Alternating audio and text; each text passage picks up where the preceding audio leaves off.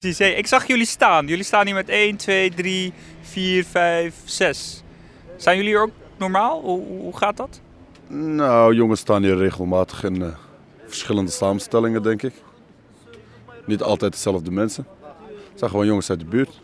En jij, sta jij hier vaker? Nou, niet uh, elke dag of zo, maar af en toe sta ik hier wel eens. En toevallig vandaag? Toevallig vandaag. Ja. En waarom sta je hier vandaag? Omdat ik momenteel niks te doen heb. Even een beetje staan, praten. Ja, chillen. Ik spreek een jongen die met me wil praten, maar niet met zijn naam in de reportage wil. Hij hangt samen met wat anderen rond bij het winkelcentrum Rokade. Dat is een bekende hangplek in de Utrechtse wijk Zuilen. De gemeente ziet het hangen van de jongens als overlast en hangt camera's op. Werkt dat? Functioneert cameratoezicht preventief en gaat het overlast of criminaliteit tegen? Ik ga langs bij Ger Homberg. Hij heeft een groot kwalitatief onderzoek gedaan in opdracht van onderzoeksprogramma Politie en Wetenschap. Op de. Dit is niet Ger Homberg. Die doet wel nu de deur open. Je moet wegwezen. Hoe gaan wij dit interview doen Ja. als hier beneden honden zitten? Het wordt een beetje de vraag of ze zich rustig houden, ja. Weet je wat, ik, eh, ik geef ze wat lekkers te eten. En eh, we gaan even boven zitten. Het onderzoek van Ger gaat in op het effect van cameratoezicht op verschillende typen criminelen. Van raddraaiers tot professionele criminelen. De onderzoekers gingen langs bij hangplekken, maar ook naar de baaiers en spraken daar met ze. We beginnen met de plek waar voor het eerst cameratoezicht werd toegepast, om overlast van jongeren tegen te gaan. Nou ja, je zou misschien denken dat het Amsterdam was of Utrecht, maar eh, het was in Ede. Ja, dat is natuurlijk toch een beetje gek. Dat klinkt als een plat- plattelandsgemeente, maar het is natuurlijk wel een hele grote gemeente. En daar kregen ze met jongerenoverlast te maken en daar hebben ze een camera voor opgehangen. De eerste raddraaiers werden dus gefilmd in Ede in 1998, bijna 20 jaar geleden. En we gebruiken ze nog steeds. Daar is groot onderzoek naar gedaan. Ook in Engeland is op een gegeven moment al het onderzoek bij elkaar geharkt naar cameragebieden. En daar kwam eigenlijk uit dat eh, alleen in heel specifieke omstandigheden een gebied met cameratoezicht veiliger is dan een gebied zonder cameratoezicht. En dat is bijvoorbeeld een heel goed overzichtelijk gebied, wat goed verlicht is. Denk aan een parkeerterrein. En dat is nou niet het type locaties waar cameratoezicht meestal voor wordt ingezet. Dan gaat het om stadscentra, drukke gebieden, eh, licht en donker, wat moeilijker overzichtelijk. Dus je zou ook kunnen zeggen dat eh, het onderzoek leert dat in de gebieden waar we nu cameratoezicht toepassen, dat je niet veel mag verwachten van het preventieve effect van camera's. Het leidt er dus niet toe dat daders afzien van het plegen van delicten. Gaan alle daders hetzelfde om met die camera? Dat was natuurlijk een van de dingen die we wilden weten. En eh, eh, we zagen flinke verschillen tussen aan de ene kant de meer eh, ja, professionele crimineel, die, waar we allemaal wel een voorstelling bij hebben. Ehm, drugshandelaren, mensen die ernstige delicten plegen. En aan de andere kant eh, ja, de meer impulsieve daders. Je kunt ook aan jongeren denken, mensen in uitgaanscentra, die niet uit zijn op het plegen van delicten, maar eh, die misschien wel dingen doen die niet horen. Laten we die even met z'n tweeën uit elkaar houden en, eh, en ze apart behandelen. Eh, laten we beginnen met die kleine criminelen. Wie zijn die mensen dan? Nou, denk bijvoorbeeld aan jongeren die wel wat uithalen. Een beetje vandalisme, een beetje vechtpartijtjes.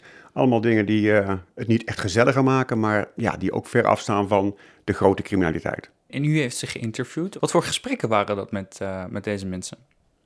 Nou, best eh goede en open gesprekken, omdat ze best bereid zijn om over zoiets mee te denken en te praten. En natuurlijk, we hebben ze niet echt als daders aangesproken, maar als mensen, jongeren die in zo'n gebied rondhangen en, ja, en zien dat er camera's hangen en daar eh, best iets van vinden. En wat vonden ze daar dan van? Eh, nou, ze vonden dat eh, niet echt leuk. Tegelijkertijd trokken zich er ook niet zo heel veel van aan. En wat wel interessant was, dat ze niet zo precies wisten wat er nou met die beelden gebeurde. Ze hadden geen helder beeld van wanneer er uitgekeken werd, wie er wat mee deed.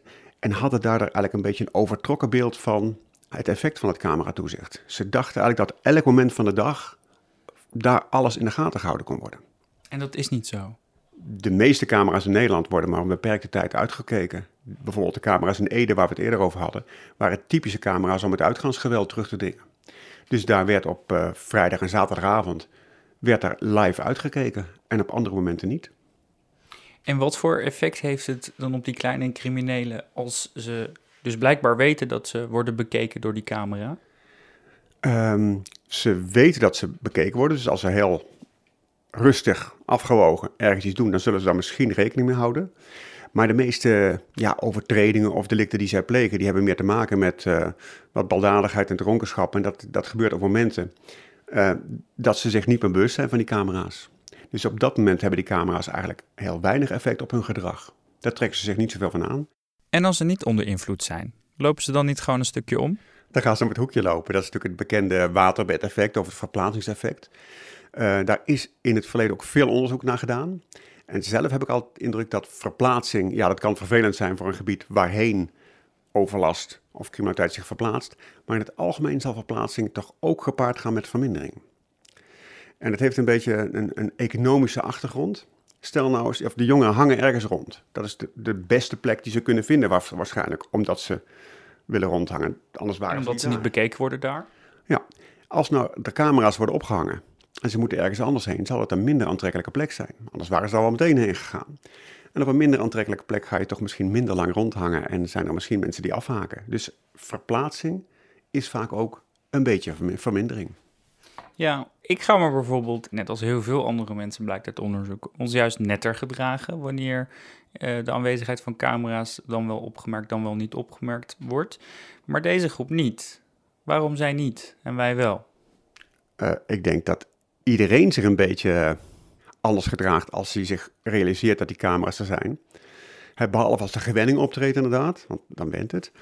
Maar het essentiële verschil is dat jij misschien ook, als je flink gedronken hebt, je niet meer netter gaat gedragen als er een camera staat. Dat je dan misschien wel eens een keer een fiets omver gooit of iets anders doet wat niet mag. Volgende vraag.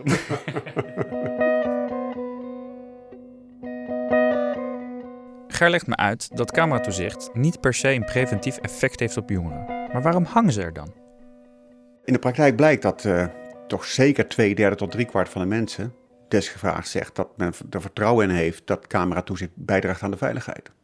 Dus in die zin uh, wordt er ook wel erg gekeken naar veiligheidsgevoel. Als het gaat om een evaluatie van cameratoezicht, wat vinden de mensen daarvan? Voelen ze zich veiliger? En of dat altijd terecht is, dat is niet helemaal uh, zeker. Um, ik ben me er bijvoorbeeld nu ik dit onderzoek doe veel bewuster dat er camera's mij in de gaten houden. Als ik nu mijn neus bijvoorbeeld, uh, als ik daar mijn vinger in doe om iets uit te halen, dan denk ik ja, er wordt wel meegekeken of met terugwerkende kracht meegekeken. Um, is dat een niet een te grote inbreuk op mijn privacy? Als het effect daarvan ook eigenlijk in twijfel kan worden getrokken om echt die criminaliteit te bestrijden. Uh, nou, dat is, dat is, denk ik wel uh, meteen de, de hoofdvraag die telkens ja, bij cameraprojecten speelt. Uh, ik denk niet dat je privacy absoluut kunt zien. Wel is die belangrijk, maar het is niet het enige wat telt. Hè. De andere kant is veiligheid. En er wordt wel steeds die afweging gemaakt tussen aan de ene kant die inbreuk op de privacy en aan de andere kant uh, de, het effect op de, veiligheid.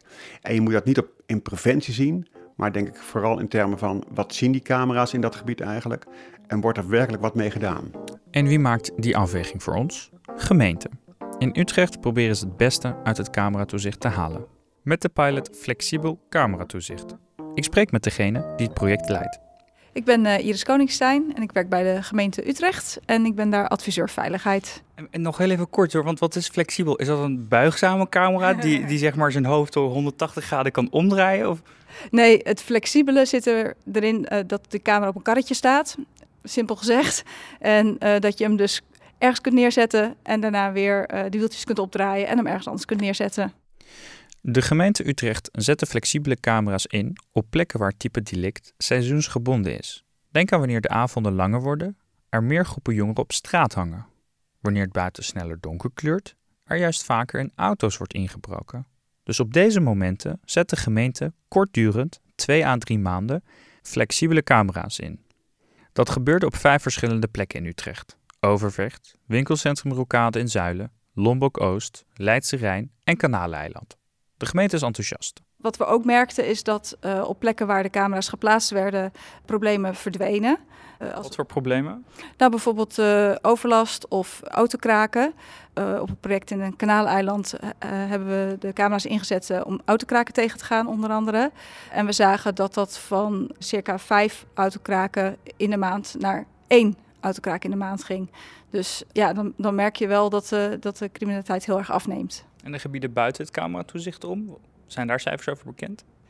Nou, we hebben wel gekeken of een waterbed-effect optrad, zo noemen we dat dan. Um, dat hebben we bij een paar projecten wel gezien en bij een paar projecten niet gezien.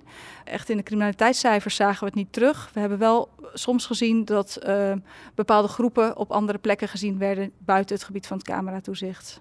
Bepaalde niet, bepaalde wel. Is, dat klinkt voor mij nogal een beetje vaag. Uh, ja. Kanaleneiland zeg je inderdaad, daar nam bijvoorbeeld zo'n autokraak nam af. En bijvoorbeeld het winkelcentrum uh, Rokade. Wat waren de doelen daar? Um, daar was het project gericht ook op het tegengaan van autokraken en op het tegengaan van jongerenoverlast en criminaliteit. En daar zagen we dat uh, de cijfers uh, uh, wel positief ontwikkelden, maar dat de jongeren wel op straat bleven staan. Dus ja, daar was dan niet sprake van het waterbedeffect. Dus ja, ze bleven daar staan. Stel de vraag, hè? Ik stel de vraag inderdaad. En jij? En ik geef antwoord. Je hebt het misschien al door. Ik ben naar winkelcentrum Rokade gegaan omdat het een van de plekken is waar de gemeente Utrecht flexibel cameratoezicht heeft getest.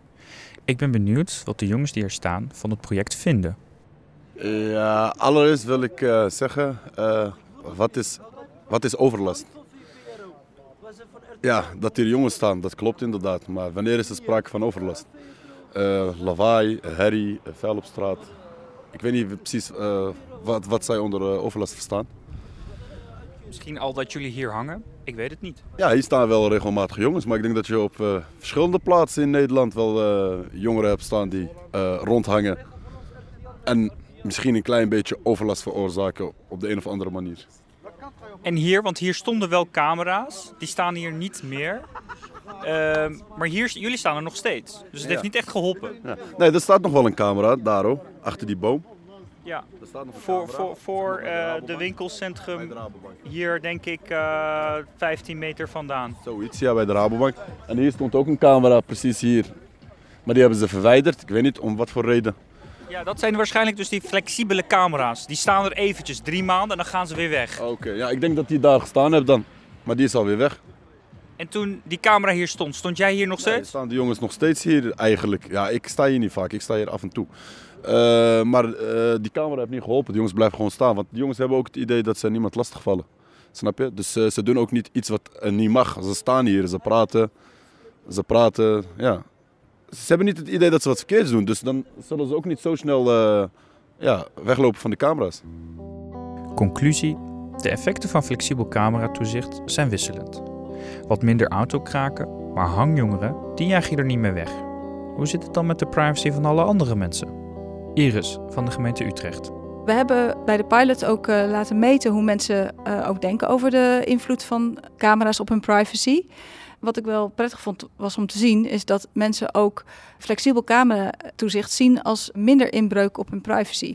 Dus ook mensen hebben aangegeven van nou, ik heb liever een flexibele camera, want dat is tijdelijk, dan vast cameratoezicht. Dus ook door te werken met dat flexibele cameratoezicht kun je ook tijdelijk en gericht uh, dat toezicht houden. En hoeveel is minder? Um, bij flexibel cameratoezicht uh, vindt 28% van de respondenten het een aantasting van hun privacy. En bij vast toezicht is dat 37%. Dat is nog altijd wel flink. Ja. En vind je dat een moeilijke afweging om te maken tegenover die privacy en die veiligheid? Nou, ik vind hem ondertussen steeds makkelijker te maken. Maar dat komt ook omdat ik ondertussen al op heel veel plekken die afweging heb gemaakt. Um, Hoe gaat dat proces? Nou, de, simpelweg hebben we een, uh, een lijst met, uh, met criteria. Van, uh, we maken veiligheidscijfers, maar ook veiligheidsgevoel van bewoners in een gebied maken daar onderdeel van uit. Ik hoor steeds dat er bij de inzet van cameratoezicht een afweging wordt gemaakt tussen privacy en veiligheid. De uitkomsten zijn zoals gezegd wisselend, maar toch staan die camera's overal. Wat weegt zwaarder, privacy of veiligheid? Wat vind jij ervan? Laat het me weten.